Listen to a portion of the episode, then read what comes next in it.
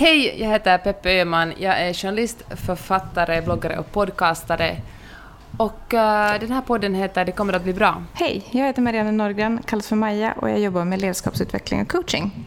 Och vår gäst idag heter Lotta Backlund och hon är bland annat utvecklingschef på ett uh, produktionsbolag. Hej Lotta! No, hej, kiva att vara med. Tack för att du är med. Hur mår du idag? Nu har jag ju hur bra som helst. Alltså solen skiner och det är kiva varmt ute. Nu vet jag ju i och för sig inte när den kan ge ut det här så det kan ju vara kallt och ruskigt då, men, men just nu är det jättefint.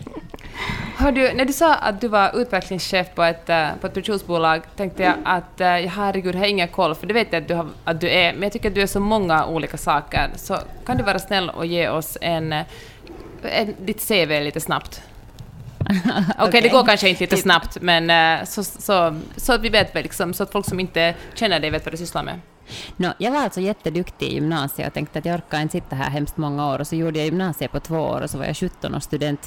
Men så hade jag inte liksom tänkt på att, ah, ja, men att sen måste man ju veta vad man ska göra efter det. Och eftersom jag inte hade någon aning så, visst, så gjorde jag som alla finlandssvenskar som inte vet vad de ska göra gör. Och så jag sökte till Hanken.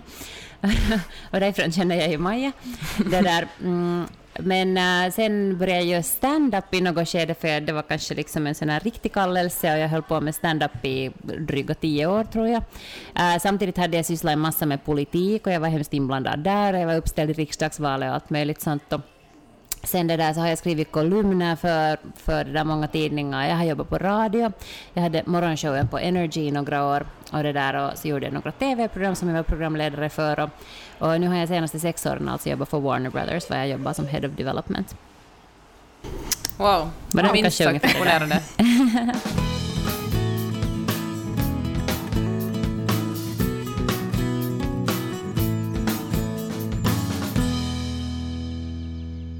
Alltså det är inte bara så att du studerar effektivt, du talar också väldigt effektivt. Ja. ja. Eh, vad, vad tror liksom, du har ju verkligen varit från den ena kanten till den andra och hoppat fram och tillbaka. Är det så att du ändå har haft någonting som har drivit dig mot ett särskilt mål? Eller hur, hur har de här svängningarna... ja, jag har alltså aldrig haft någon slags klar vision och alltid när någon ställer frågan att var ser du dig själv om fem år så brukar jag inte ha någon aning. För att skulle någon ha frågat det för fem år sedan så skulle jag inte ha antagligen visionerat att jag liksom är där vad jag är idag. Alltså. Så nej, jag har inte egentligen haft en plan på det stora hela, men sen kanske sådär um, uh, skilt i de här olika karriärerna kanske jag har haft det. Att jag märkte nog sen i något skede att när jag höll på med stand-up att min motivation kanske lite började avta när jag hade eh, så att säga åstadkom jag alltid allt det som jag ville. För då när jag började göra stand-up så var det ju sådär att herregud, tänk om man skulle liksom få göra en sån kejka att någon skulle betala för det. Mm. Och sen fick man en sån kejka och sen var det helt såhär wow, tänk om man skulle få uppträda på Studio Pasila. Och sen fick man och tänk om man skulle få uppträda på TV och sen fick man och tänk om man skulle få gå på turné och sen fick man. Och sen när man har uh, uppnått alla de här målen, så sen blev det sådär att, no, att vad är sen nästa? Att, uh, no, sen gör man liksom mera kejkor och man skriver mera material och man turnerar igen. Men, mm. men det fanns inte liksom något konkret vet sådär att sträva efter, då kanske börjar intresset lite avta. Men det känns ändå som det som du har gjort allt har varit ganska lustdrivet, mindre än pliktdrivet. Att som, jag föreställer mig att allt du gör är ganska, tycker du själv är ganska roligt. Stämmer det? Ja, ja. Alltså jag tycker det ska vara hemskt att göra sånt som inte är roligt. Men jag tänker att åtminstone där jag bor i USA så är folk väldigt drivna av att tjäna mycket pengar till exempel. Ja. Så då jobbar de som liksom, på börsen eller som advokater eller som, jag vet inte, eller som läkare och sen verkligen är deras mål att de ska kunna gå i pension när de är 50 och, och så jobbar de verkligen liksom 51 veckor om, om året och tycker inte att det är speciellt kul, men de har liksom lyft blicken och ser, och ser någon, någon slags ljuvlig pension. No, ju äldre man blir så desto bekvämare blir man ju också. Att jag menar, jag är helt nöjd att jag nu tjänar sådär stabilt och ordentligt pengar. Mm. Och jag skulle inte vilja ge upp det. Alltså jag, menar, mm, jag, jag ska kunna alldeles bra för tio år sedan bestämma mig för att oj, det här är roligt, så nu gör jag något sånt här och jag är inte intresserad av att liksom, eller jag är inte så, så mån om att jag måste ha en månadslön. Och det är kanske jag ja. inte nu heller, men jag måste bara veta att, att, liksom, att jag tjänar tillräckligt för att klara av att leva liksom den standarden som jag nu vill ha.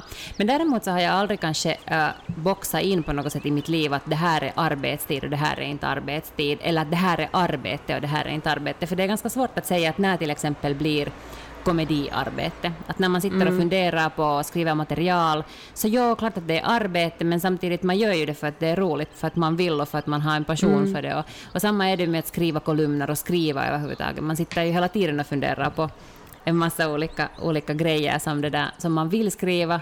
Uh, och det är kanske svårt att säga att det här är nu min arbetstid. Och samtidigt om folk frågar att vad jag har för hobby så kan jag säga att, jag har, att min hobby är att skriva. Men samtidigt mm. får jag ibland lön för det, så är det nu sen arbete eller är det inte. Du, du, har, du har en till fråga. Du, alltså, du är då, alltså om man har gjort stand-up, då måste man vara ganska modig. Hur, hur vågar du? Och hur vågar du byta... Bara liksom, det känns som att du har hemskt mycket mod också i dina val. Att liksom ställa upp i val, stå på en scen och göra någonting som är, måste vara det mest... Ja, men vet du vad som är helt jättebra med att ha gjort stand-up? Att det finns inte jättemånga saker som är mer skrämmande att efter det så mm. känns det inte liksom sådär jättepaha. Jag kommer ihåg när, uh, för alltså säkert tio år sedan när jag jobbade på, på radion så hade vi så här Energy Music Awards och det var en fullsatt ja. Hartwall-arena.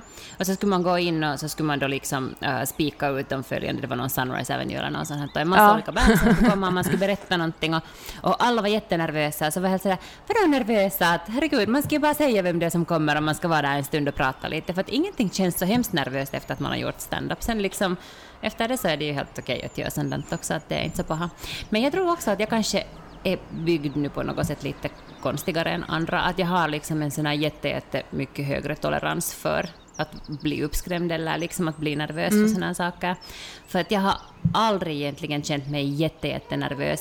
Det var faktiskt en helt främmande kvinna som tog kontakt med mig här förra året och, och hon sa att hon skulle behöva en mentor. Och hon hade själv varit mm. marknadsföringschef för ett stort designföretag. Och, sånt. och så tänkte jag att men hur i fridens namn ska jag kunna mentorera dig någonting?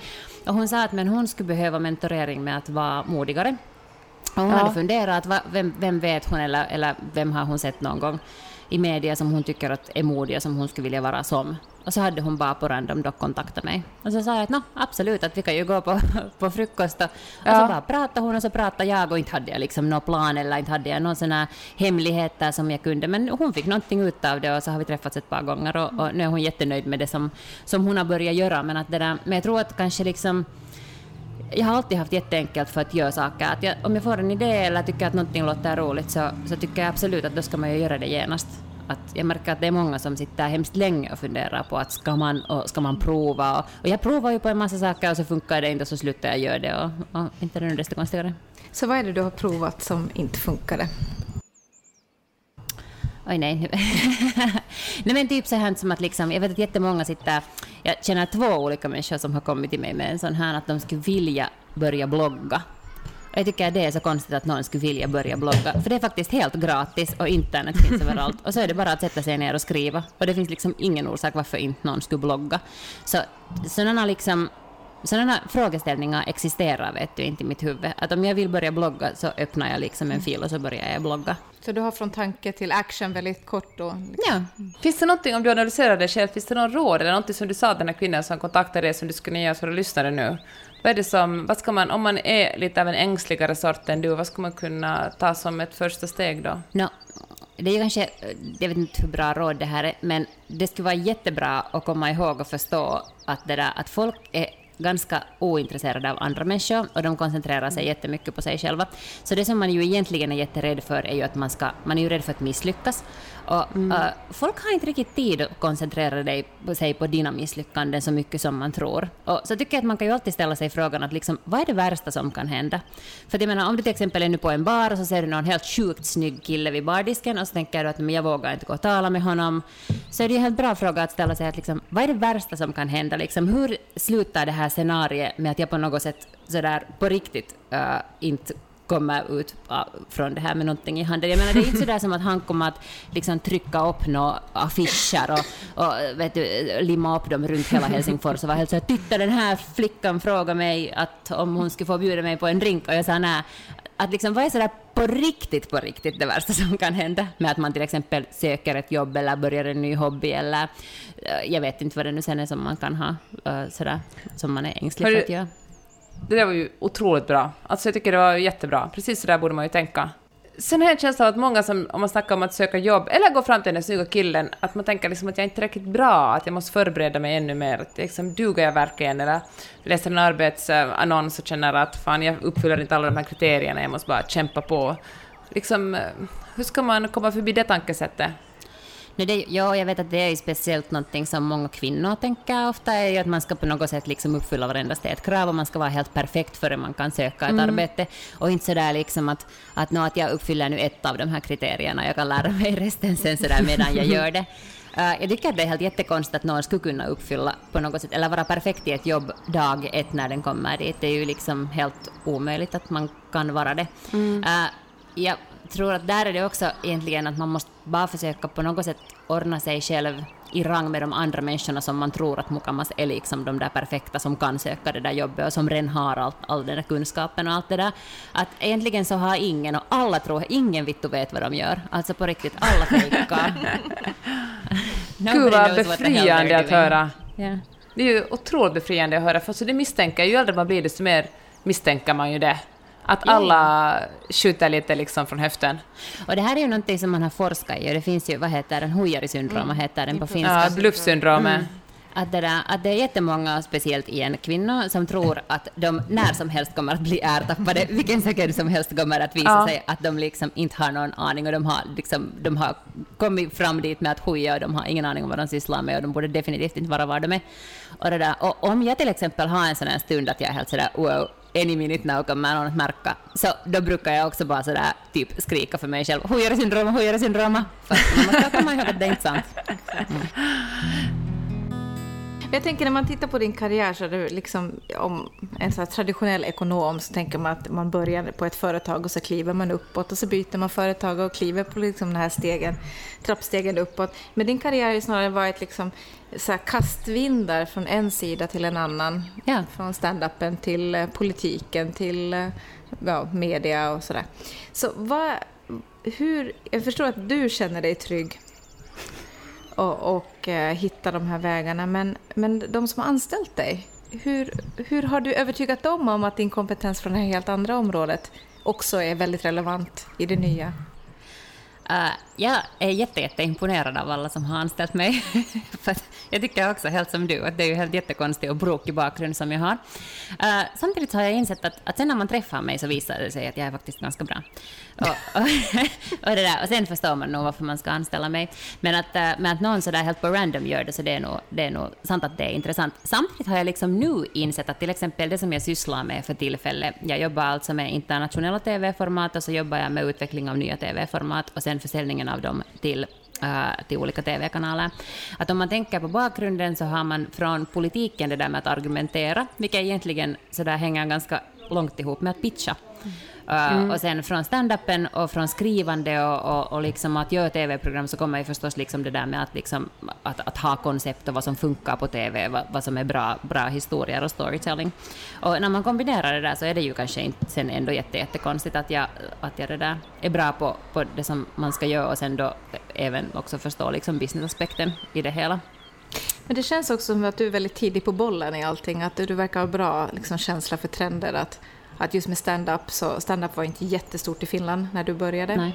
Eller du får korrigera mig om jag har fel. Mm. Samma sak med bloggandet, du började blogga väldigt tidigt och vi pratade just här innan att du har en podcast just nu men du hade också en podcast för fyra år sedan. Ja. Vilket i Finland är ju väldigt tidigt. Jag vet, men sen det som, alltså i och för sig är det ju bra alltid att vara sådär föregångare i alla trender, men jag märker det också att sen hinner jag bli uttråkad på någonting, som att till exempel jag slutade blogga 2009 för jag var så, jag var så trött med det och jag tycker att liksom nu är det helt sjukt kuiva att läsa alla bloggar för det är bara en massa liksom no doftljus och, och, och grejer som folk, vet du, någon no grön smoothies som folk postar bilder av. Jag tycker att det var, det var helt sjukt roligt att blogga då i början av av 2000-talet, för allas bloggar var roliga och de som höll bloggar gjorde det därför att de var så, de var så ivriga på att skriva och de var helt jättebra skrivna och de var underhållande och nu är det liksom sådär äh, dåligt hållna lifestyle-bloggar, liksom, eller sådär att det finns inte särskilt mycket innehåll. Det finns ju bra bloggar också, men menar, nu finns det bara så massivt mycket av dem att det är svårt att hitta dem. Så att man hinner kanske liksom bli uttråkad på bra grejer före de liksom når sin, sin sådär topp mm. om man börjar allt för tidigt. Och sen samtidigt kanske uh, kan det också vara att jag märker nu till exempel, det finns program som jag har pitchat för tre år sedan, som inte överhuvudtaget har gått hem hos kanaler. Och nu märker jag att nu kommer det en massa, till exempel panelprogram, Comedy Panels var sånt mm. som jag försökte pitcha helt jättemycket för fem år sedan. Mm. Och ingen ville köpa sånt. Och för tre år sedan liksom plötsligt så kom alla kanaler hade en massa, massa och det kommer hela tiden mer. Men kan det också ha att göra med att Finland ligger lite, Finland tänker alltid ligga liksom fem år efter Sverige och kanske ännu mer efter USA och att du har liksom eh, jag menar, du har kanske mer öga på det som händer i Sverige och mer öga på det som händer i USA jämfört kanske med någon som bara talar finska.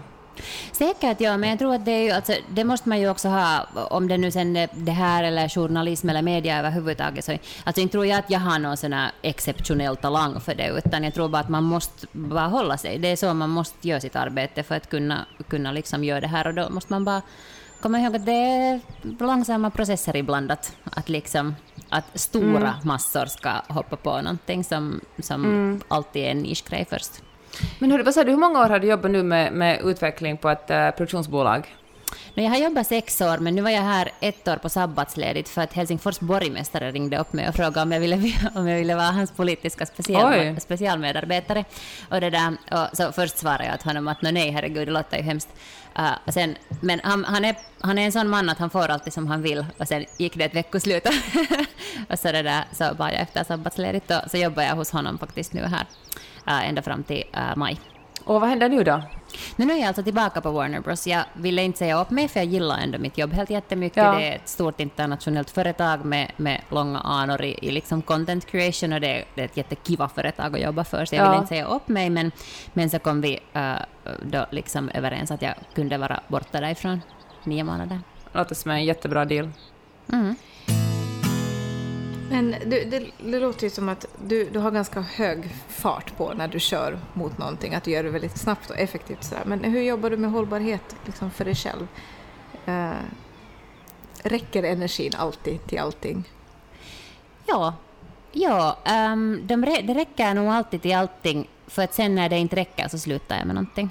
Um, hur, kanske... hur vet du att du ska göra det? um, det, alltså det här, jag har faktiskt inte någon sån här uh, färdiga signaler som jag kan säga att jag snappar upp. Men det är väl lite sådär som, som när man är gravid och väntar på bebis, att i något skede kommer den där bebisen bara ut, att man kan ju försöka hålla den inne, men den liksom kommer att trycka mm. ut sig därifrån. Och jag har så nog med förändring ibland, att uh, jag börjar känna på mig något små såna eh, lite ängsligheter, och sen kanske jag blir lite frustrerad, och sen kanske jag inte liksom har så mycket tålamod mera, och sen bara märker jag att jag börjar själv kanske göra saker som leder sen till någon slags förändring.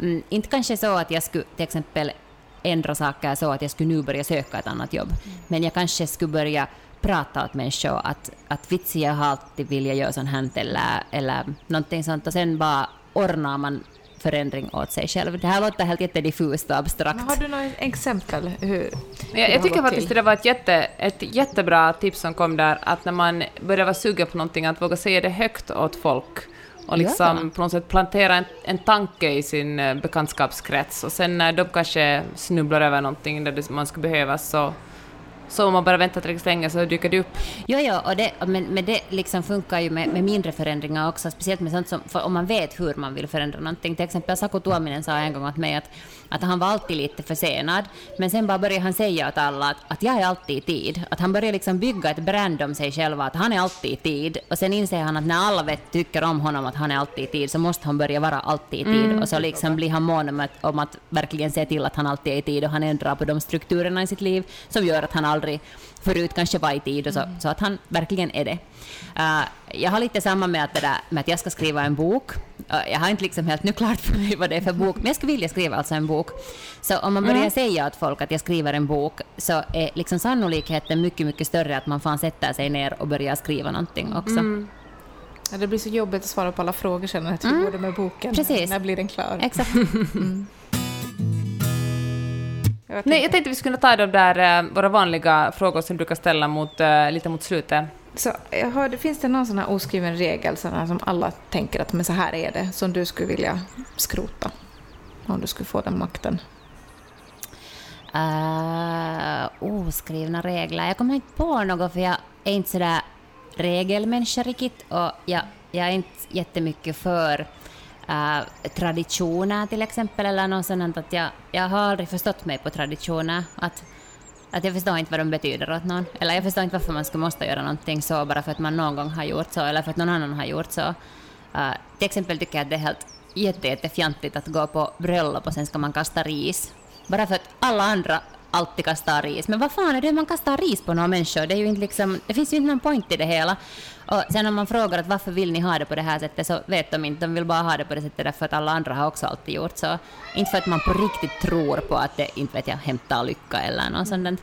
Så, så nej, jag, jag har förstått på traditioner och jag vet inte liksom, jag kommer inte på riktigt några sådana oskrivna regler som, som jag heller skulle sådär tro på bara för att någon annan tror att de finns. Har du något eh, karriärråd till dig själv, någonting som du skulle vilja ha fått när du var i början av, av din karriär? No, kanske lite det där som, som vi redan pratade om, att, att, att man ska genast när man får första gången tanken att kanske jag borde, så ska man nog definitivt undersöka den tanken lite djupare och liksom se till mm. att man i alla fall har gjort allting för att testa att gick det det är klart att man alltid emellanåt får på käften, så är det ju liksom, det, det är så i kärlek och det är så i karriär och det är så kanske överlag mm. i livet. Men att det där, men nu måste man ju alltid försöka, inte sitter det någon med något så här, uh, häfte och skriver upp hur många gånger man har misslyckats. det är bra, det gör det ju faktiskt inte. Du, det, har du något sånt här som, du, som andra gör och tror att de måste göra som du helt enkelt skiter i att göra? Säkert en massa, massa saker. Ja, det tror jag också. Vill du ge oss lite inspiration? Um, men sen, sen har jag varit lite sådär autistisk också just för sådana att man borde ha det på ett visst sätt eller man borde göra någonting på något visst sätt. Att, liksom, att, att jag glömmer kanske inte att det finns liksom sociala regler, men kanske att, att liksom någon har några sådana abstrakta förväntningar av att jag borde, jag vet inte, ringa upp dem en gång i månaden för att fråga hur de mår, eller något sådant. Att, um, inte vet jag. Jag är jätteointresserad av att göra saker som jag inte tycker om, så att om jag kan outsourca det så gör jag det. Typ liksom städning och, och sånt här. Jag tycker att det är inte liksom värt min tid om, om jag kan köpa det utifrån och använda det på att vara med min dotter till exempel istället. Så, så jag tycker jag att det är liksom money well spent. Men jag, jag tycker sån här... Uh,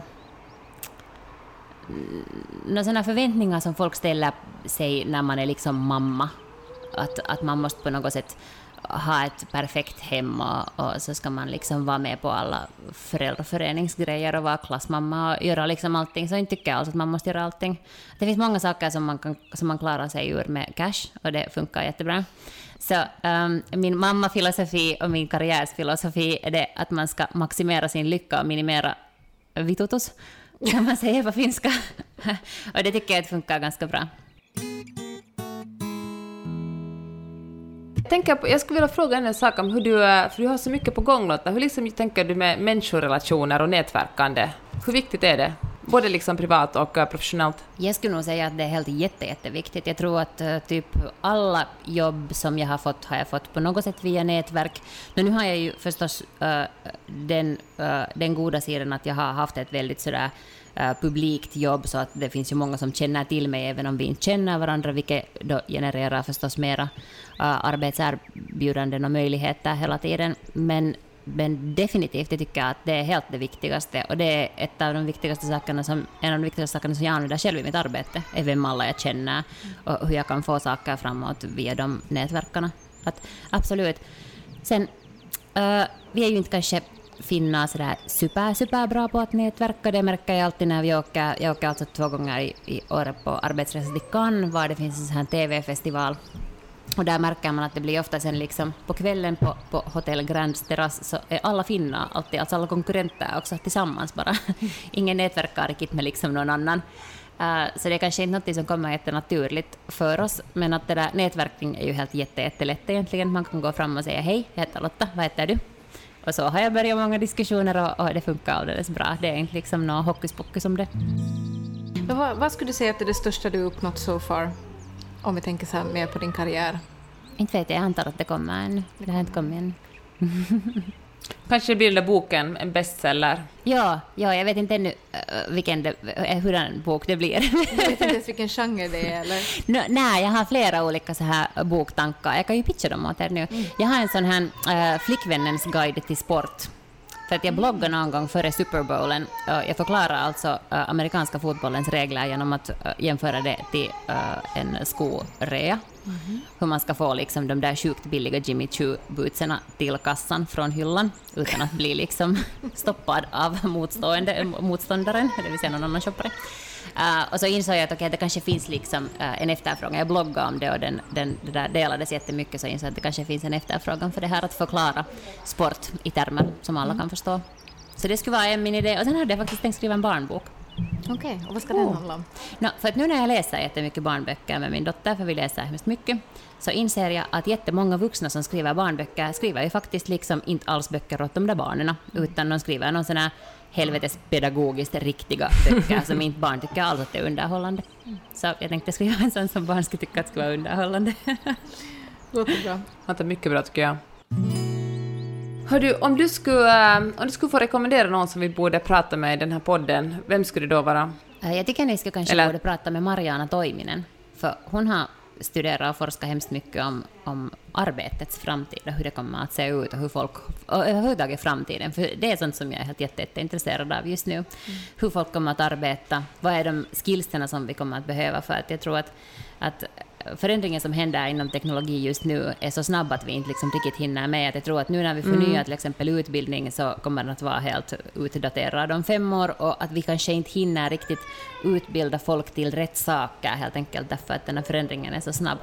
Så sånt är jag jätteintresserad av. Ja, det känner jag också. Det är ett jättebra, ett jättebra tips. Tack ska du ha. Du, jag känner ju så här efter vi har pratat nu att, att du var ju verkligen perfekta gästen för vår podd. För det låter ju som att du har genom din karriär skapat en, ett jobb som hela tiden gör att måndag är lika kul som en fredag. Mm. Stämmer det? Ja, Jo, jo, för jag har aldrig varit just en av de där som vill jobba 51 veckor i år för att kunna sen bli pensionerad när jag är 50, för jag är inte alls intresserad av att bli pensionerad när jag är 50. Jag är helt jätteintresserad av att bli jätterik, givetvis, och skulle jag inte behöva liksom stiga upp klockan typ 6.30 på måndag så skulle det vara helt huippo. Uh, eh, men jag tycker nog att vid det skede som majoriteten av morgnarna börjar kännas som att man inte vill gå till jobbet, så då ska man hitta ett annat sätt att livnära sig på.